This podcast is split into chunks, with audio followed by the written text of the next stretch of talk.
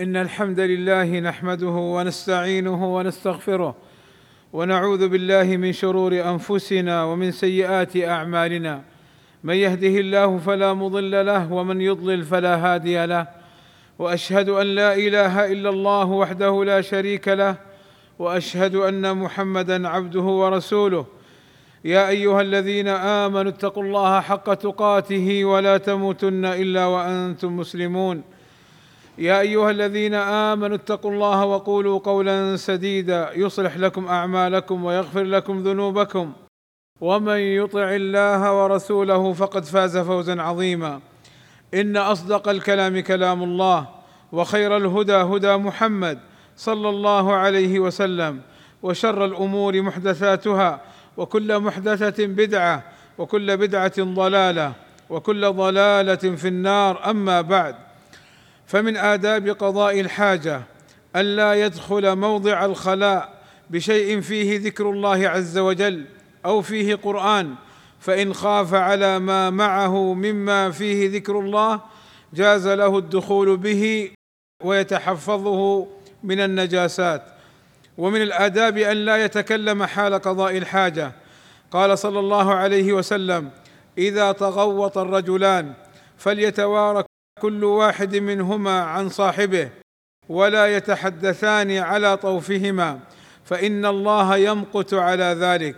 كما علمنا رسولنا صلى الله عليه وسلم أن المسلم إذا فرغ من قضاء الحاجة فإنه ينظف المخرج بالاستنجاء بالماء أو الاستجمار بالأحجار أو ما يقوم مقامهما والاستنجاء بالماء أفضل. وإن استعمل الحجارة فإنها تجزئ والاستجمار يكون بالأحجار أو ما يقوم مقامهما من الورق الخشن والخرق ونحوها مما ينقي المخرج وينشفه. ومن الآداب أن تعلم أنه يمكن أن تزيل نجاسة البول أو الغائط بالحجارة لقوله صلى الله عليه وسلم إذا ذهب أحدكم إلى الغائط فليذهب معه بثلاثة أحجار يستطيب بهن فإنها تجزئ عنه.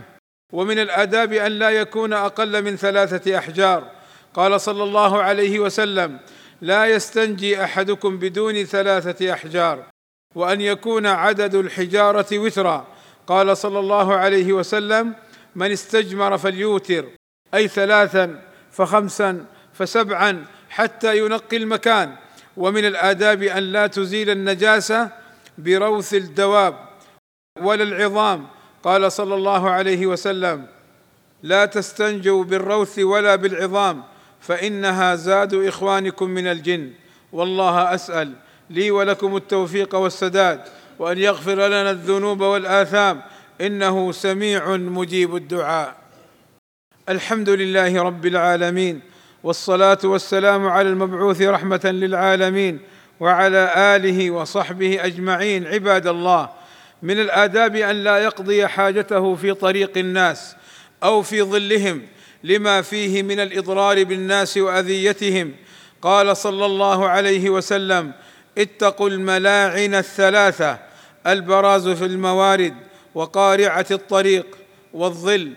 أي احذروا فعل هذه الأمور لأن الناس تشتم وتلعن فاعلها وصاحبها ملعون والموارد أي طرق الماء والظل يراد به مستظل الناس الذي اتخذوه مقيلا ومناخا ينزلونه وليس كل ظل يحرم القعود للحاجة تحته. عباد الله بعض الناس يظن أنه لا بد أن يدخل الخلاء ويستنجي قبل الوضوء فإذا أراد أن يتوضأ بدأ بالإستنجاء ولو كان قد استنجى سابقا بعد قضاء الحاجة أو كان لا يحتاج الخلاء أصلا وهذا خطأ لأن الاستنجاء ليس شرطا للوضوء وإنما الشرط أن يكون المسلم نظيفا من النجاسات ومحله بعد الفراغ من قضاء الحاجة. فلا داعي لتكرار الاستنجاء من غير تلوث المخرج بالنجاسة. عباد الله إن الله وملائكته يصلون على النبي. يا أيها الذين آمنوا صلوا عليه وسلموا تسليما. فاللهم صل على محمد وأزواجه وذريته كما صليت على آل إبراهيم. وبارك على محمد وأزواجه وذريته كما باركت على آل إبراهيم. إنك حميد مجيد. وارض اللهم عن الخلفاء الراشدين أبي بكر وعمر وعثمان وعلي. وعن جميع أصحاب النبي صلى الله عليه وسلم والتابعين لهم بإحسان وعنا معهم بمنك وكرمك. اللهم آتنا في الدنيا حسنة وفي الآخرة حسنة وقنا عذاب النار.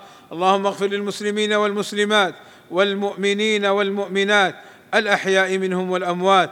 اللهم وفق ولي أمرنا الملك سلمان بن عبد العزيز وولي عهده الأمير محمد بن سلمان لما تحبه وترضاه. وأصلح بهما البلاد والعباد واحفظهما من كل سوء. اللهم أيدهما بتأييدك ووفقهما بتوفيقك وأعز بهما الإسلام والمسلمين. والصلاة والسلام على المبعوث رحمة للعالمين. والحمد لله رب العالمين.